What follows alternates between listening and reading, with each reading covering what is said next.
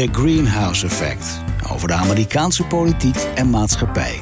Ik ben Victor Chevalier. Samen met Charles Groenhuizen is dit dus The Greenhouse Effect. De inauguratie van Joe Biden is een feit, maar iets heel anders.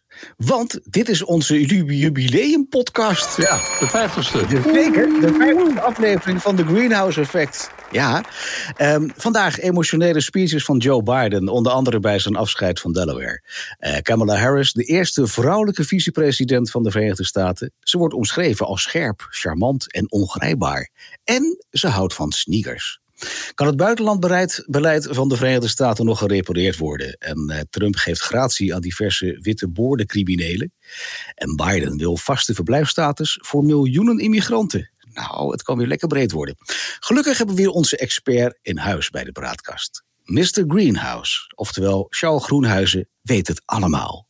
Dit is de vijftigste aflevering op de Praatkast. Nou. Tot, tot genoegen. Charles, daar zit je dan. Ja, daar zitten we. We moeten even nog gebak laten aanstormen, maar voor de rest gaat het allemaal goed komen. Ik um, zit in een dry January en ook een slagroomloze January. Dus, nou ja. Oh, wat voor gebak kan ik dan sturen? Nou, doe maar niet. doe maar niet. Nee. Fles wijn. Oh nee, ook niet. Kan nee, ook maar niet. het is hartstikke leuk dat we er nu 50 gedaan hebben. Ja, precies. Best wel grappig om dat zo te mogen meemaken. Dat konden wij 50 afleveringen geleden niet dromen dat we zo'n turbulente maanden zouden hebben waarin we deze afleveringen hebben mogen maken. Um, hoe kijk jij terug op de inauguratie van uh, Joe Biden? De, op, op, twee manieren. Eén, uh, redelijk traditioneel. En Biden heeft de dingen gezegd waarvan we allemaal verwachten dat hij ze zou gaan zeggen over verzoening en eenheid. En uh, our best days are yet to come. Het zat er geloof ik niet letterlijk in, maar daar kwam het wel op neer. En niet te veel omkijken, maar wel vooruitkijken. Uh, dus dat, dat is een beetje traditioneel en clichématig. Maar dat is misschien mm -hmm. ook wel de verveling van de routinier. En dat bedoel ik niet arrogant, maar mijn eerste inauguratie was van 1988. Uh, toen uh, papa Bush president werd en uh, Ronald Reagan vertrok. Dus ik, ik heb er al een aantal achter de rug. En als je het een beetje op terugkijkt, dan zie je veel dezelfde dingen terugkomen. Maar dat cynisme even aan de kant schuivend. Kun je ook zeggen, ja, dit had toch voor progressief in Amerika en ook voor conservatief in Amerika heel anders af kunnen lopen. Ja. Uiteindelijk heeft Joe Biden in een aantal staten, bijvoorbeeld denk aan Georgia en ook Arizona en andere, niet heel ruim gewonnen. Uh, hij heeft ook, als je nog ietsje verder teruggaat, niet heel overtuigend, in ieder geval in het eerste deel van de voorverkiezingsperiode gewonnen. Dat was eigenlijk wel vrij belabberd. En de victorie begon voor hem in South Carolina. Daarna is het wel vrij snel gegaan. Dus dat, dat waren, het zijn eigenlijk wel een paar narrow escapes geweest... die uiteindelijk hebben geleid tot uh, I, Joe Biden, do solemnly swear... wat we op de trappen van Capitol Hill zagen. Uh, en tegelijkertijd, en dan even iets inhoudelijker kunnen we vast nog op doorgaan... Uh, ja, het, het was naar mijn oordeel en naar mijn mening ook wel de allerhoogste tijd dat Trump vertrok. Mm. Uh, het belangrijkste argument, en dat hoor ik van meer zeg maar, Amerika-kennis, we zijn er wel een beetje klaar mee. Het is een tijdje dat je dacht van ja, het is zo spannend en zo idioot en zo spectaculair en zo ongekend wat we meemaken. Het is leuk om daarover te praten. Maar ik merkte aan mezelf dat ik er ook wel een beetje klaar mee was. Ik had gisteren met Kirsten Verdel over, ook, die ook veel in de media optreedt over Amerika. Dit is eigenlijk ja. precies hetzelfde. En Laila Frank, die ook veel bij ons in de uitzendingen zit erbij op één. We hadden allemaal ja, zoiets ja. van ja, de gekkigheid.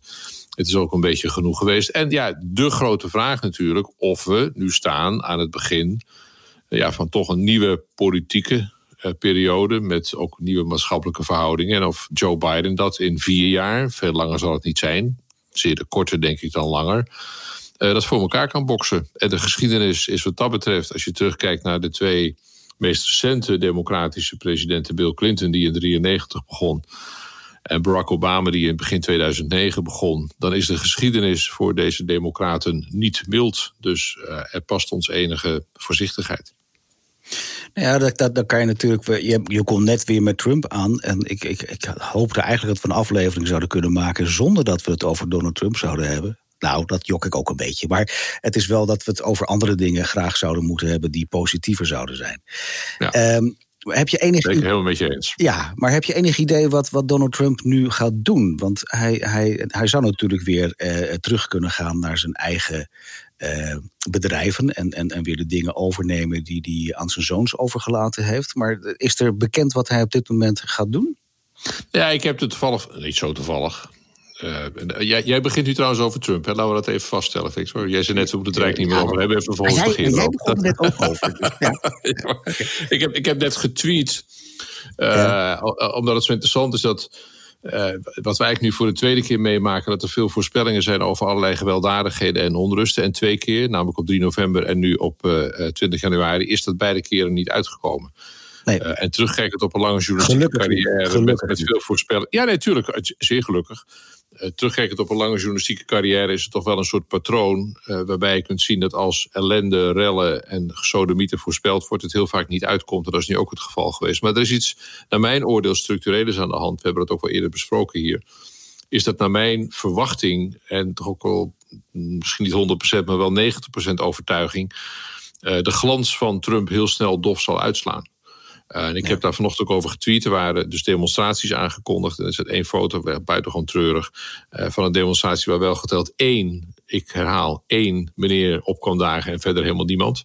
In Washington is verder ook helemaal niks gebeurd. Dat was ook wel lastig met 25.000 soldaten ja, die de zaak daar bewaakten. Wat weer dan. Dus de jury is still out. Ja. Maar we moeten ons realiseren dat die virulente anti-Trump-beweging uh, toch ook wel heel erg als enige bron van brandstof, nou, twee bronnen van brandstof, een soort, soort collectieve, maar ongeorganiseerde woede bij zijn achterban. Uh, en, en als gemeenschappelijke factor het leiderschap van deze uh, roversbende van Donald Trump.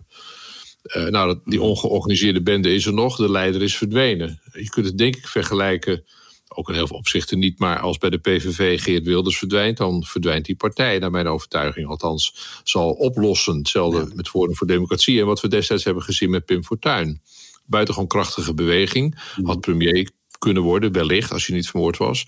En Pim valt weg en de beweging valt weg. En, en verkruimelt in een wolk van ruzies, verwijten, conflicten uh, en anderszins. En in, in dit geval is er in die anti-Trump-coalitie zelfs dat niet. Het is een totaal onsamenhangend stel uh, kleinere organisaties, uh, maloten, loners. Uh, en die zijn leiderloos. Trump was eigenlijk al programmaloos. Het zijn enige programmapunt was woede en tegen de democraten zijn. En schelden op het establishment. En ik zal het allemaal beter doen. En the best president God ever created. Maar goed, de best president God ever created is nu verdwenen. En ik heb op Twitter gespeculeerd of hij zit te rummikuppen, te scrabbelen... of toch gewoon maar met Melania en Sergi niet zit te spelen. Ik denk dat Melania dat ja. laatste heeft voorgesteld. Dat ze die hele feestelijke jurk en jas heeft uitgetrokken... en nu in een spijkerbroek en een t-shirt zegt van... laten we mensen niet gaan spelen. Hmm. En Trump die weigert dat natuurlijk, want die weet dat Melania in een paar dingen beter is dan hij... en mensen niet spelen is er ongetwijfeld één van. Maar ik speculeer hem. Ja, ik stap hem, ik stap hem, ik stap hem. Nou ja, wat wel een beetje toonaangevend was, was dat het in het nieuws kwam dat uh, president Trump uh, weigert de rekeningen te betalen van zijn advocaat Rudolph Giuliani. Ja, uh, een hele oude truc van hem. Want? Die heeft, die heeft hij honderden keren toegepast. Bij, ja, daar had je, heb je het eerder over gehad. Ja, dat hij dan gewoon uh, bij, bij bedrijven die hij ook ingehuurd heeft ja, om voor hem stuurt, allerlei dingen ja. te bouwen, doet hij hetzelfde. Ja. Stuurt hij de advocaten op af. Ik weet, ik weet, niet of Rudy Giuliani andere advocaten op zijn dak krijgt om ervoor te zorgen dat hij als advocaat van Trump de rekeningen niet betaald krijgt. Maar het is wel een hele oude truc van Trump die die honderden, ik herhaal honderden keren heeft toegepast.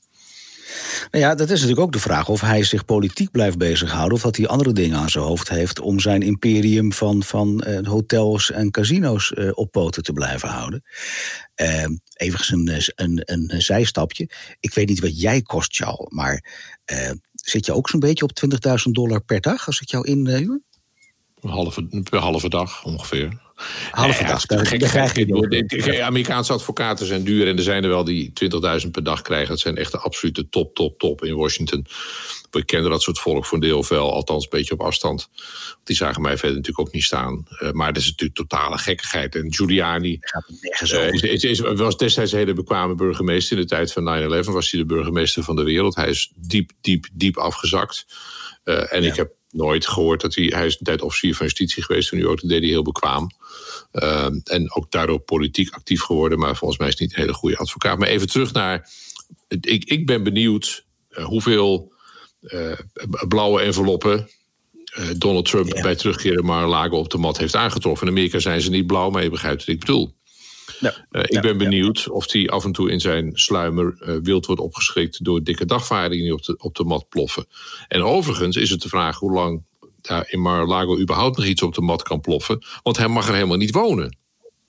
Nee, dat begreep ik ook. Hè? Hij, hij heeft het zelf toegestemd dat dat een soort vakantiewoning is of zo. Waar hij ja, hij heeft er destijds vergunning voor aangevraagd om dat eh, te mogen ontwikkelen. En het is, uh, dat, dat is ook, ook wat het is. Iets om te ontwikkelen als resort. En niet een woonplaats. En daar heeft hij destijds voor getekend dat hij dat niet zou doen. Mhm. En daar komt hij nu waarschijnlijk op terug. Hij heeft ook zijn appartement, schijnt het, uh, opgeknapt. Uh, zodat hij er met Melania en, en zijn zoon Baron kan gaan wonen. Maar de, de buren hebben al gezegd: geen sprake van. Er zijn heldere afspraken over gemaakt. Donald Trump, waar ze waarschijnlijk voor een deel tyfus aan hebben. ze willen al het gedoe ook niet. Ze hebben nu vier jaar dat glazen gehad met de Secret Service en helikopters en sirenes en weet ik wat voor gekkigheid. En allemaal mannen met, met oordopjes in de bosjes. Ze zijn er wel een beetje klaar mee. Dus dat wordt nog een interessante kwestie tussen de lokale autoriteiten daar uh, en de, en de Trumpjes. Uh, maar e-, even, je, je wierp ook nog de vraag op of die politiek actief gaat worden. Dat is pas interessant, Victor, als daaraan heel veel behoefte blijkt te zijn. En dan kom ik terug op die eenzame demonstrant. Uh, het, het, het zou mij zeer verbazen als die coalitie uh, dat deel van de coalitie van Trump, wat bestaat uit die boze blanke mannen, en die hebben we op Capitol Hill gezien, en allerlei andere demonstraties in het verleden gezien, of die bij het ontbreken van de presidentiële megafoon, en elke tweet stond op de voorpagina, of die als loszand aan elkaar hangende coalitie uh, nog iets voor elkaar kan boksen. En dus of die coalitie heel erg aan Trump gaat vragen: wil je alsjeblieft nog een tijdje politiek actief blijven? Al was het maar omdat in de, het gevestigde deel van die beweging, de Republikeinse Partij, denk aan het Huis van Afgevaardigden, het congres, tot en met Mitch McConnell, de poedel, de, de ultieme, de opperpoedel van Trump in de Senaat, eh, nu afscheid van hem neemt. En als je mhm. daar nog even de tijd overheen laat gaan. We zijn nu één dag, althans wij nemen dit op donderdag op, één dag na de inauguratie. Als je daar nog een aantal maanden en jaren overheen laat gaan, dan slijt dat nog veel verder. En zul je op een goed moment denken: Trump, Trump, ja, goh, wie was dat ook alweer? Ja, ja die was president. Nou ja, ik overdrijf natuurlijk een beetje.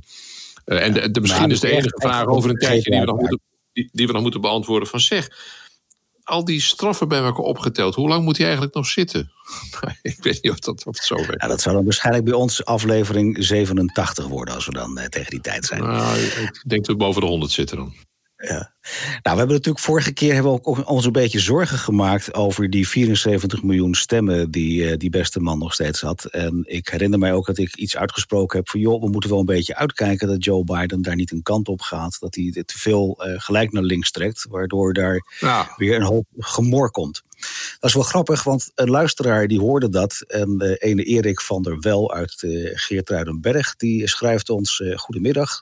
Met veel plezier volg ik uw podcast over de USA. Wat me opvalt is dat u steeds weer benadrukt dat er zoveel Republikeinse kiezers zijn en dat men, oh oh, toch zeer goed rekening moet houden met hun gevoelens. Maar vier jaar geleden, toen Clinton verloor, weliswaar met miljoenen stemmen meer in de popular vote, hoorden we nooit iets over de eventuele frustraties bij de Democraten of malversaties bij het stemmen. Of heb ik het mis? Met vriendelijke groet, Erik van der Wel. Nee, Erik, je hebt het helemaal niet mis. Sterker nog, eh, ik, ik heb af en toe over deze kwestie wel een klein dispuut met mijn uh, geachte podcastgenote Victor Chevalier, die net de brief uh, prachtig voorlas.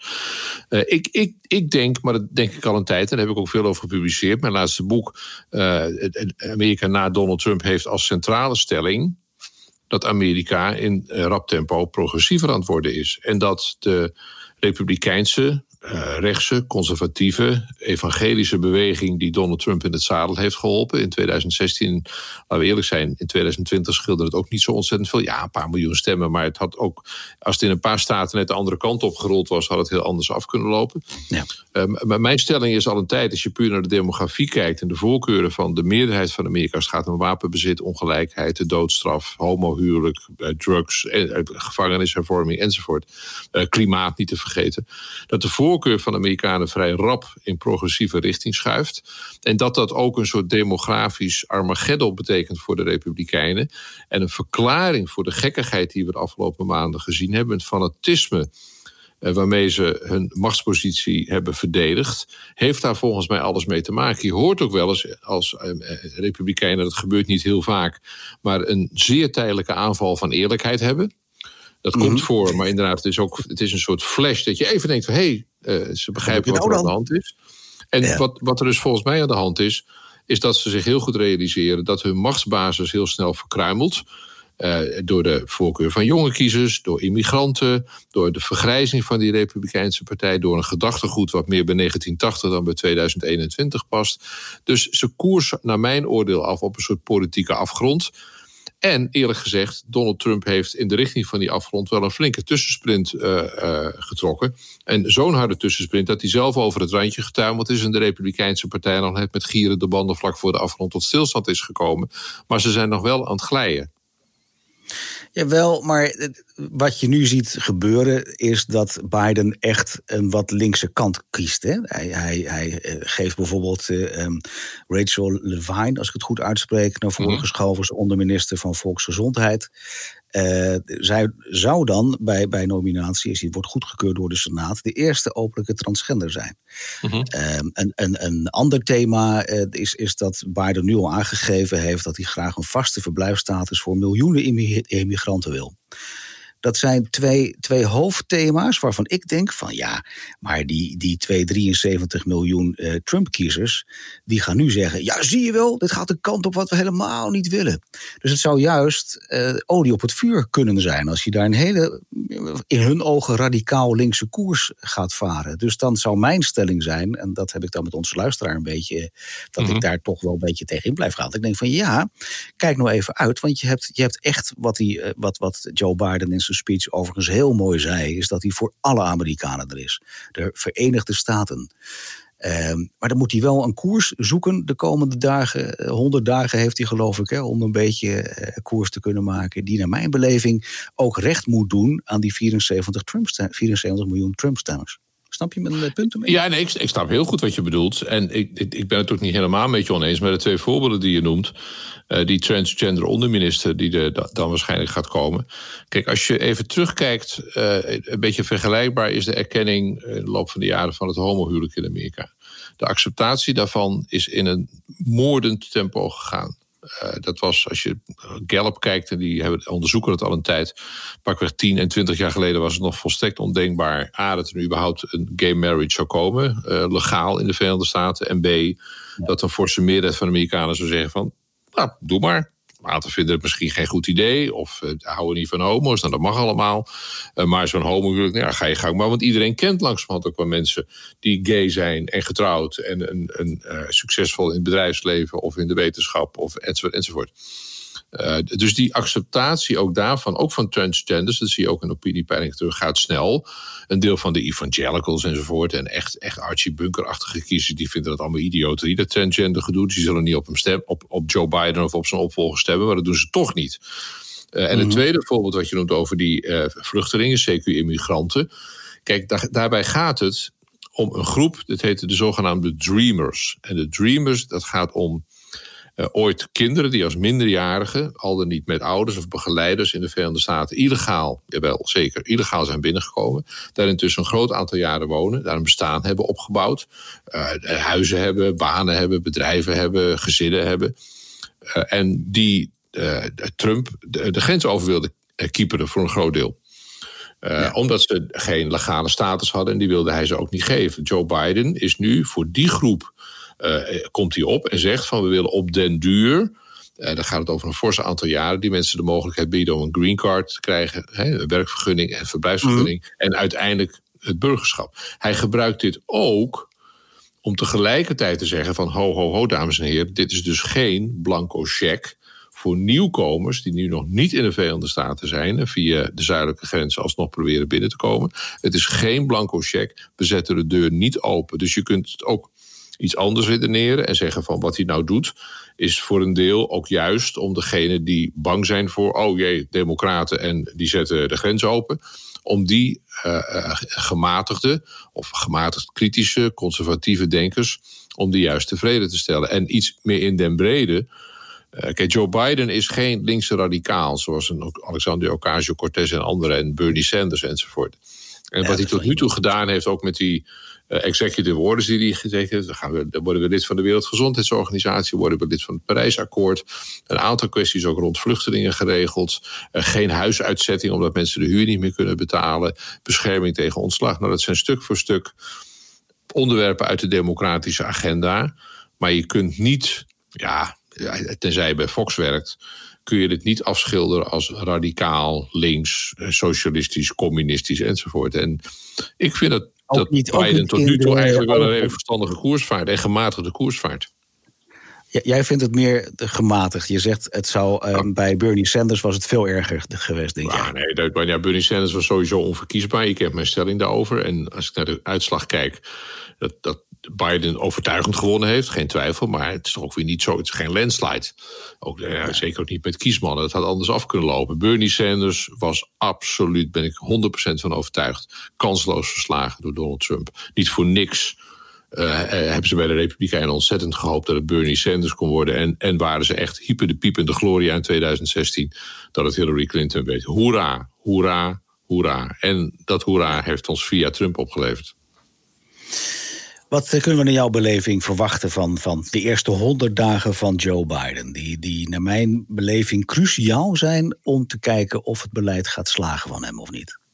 Ja, nou, hij, moet, hij moet in ieder geval snel een weg inslaan, uh, echt weg van Trump. Dat doet hij inhoudelijk nu ook al, maar het moet er ook niet meer over gaan. En ik vind dat hij wat dat betreft de afgelopen pakweg 2,5 maand sinds 3 november, de verkiezingsdag. En kort daarna was wel duidelijk dat hij de president zou gaan worden. Heeft hij, vind ik, een verstandige koersgevaar als het gaat om hoe hij zich opgesteld heeft tegenover Donald Trump. Hij heeft zich niet gek laten maken. Uh, hij, heeft, heeft, vind ik, de verstandige dingen gezegd. Ook heel erg naar de toekomst kijkend en, en heel erg proberen die bruggen te bouwen. Is wel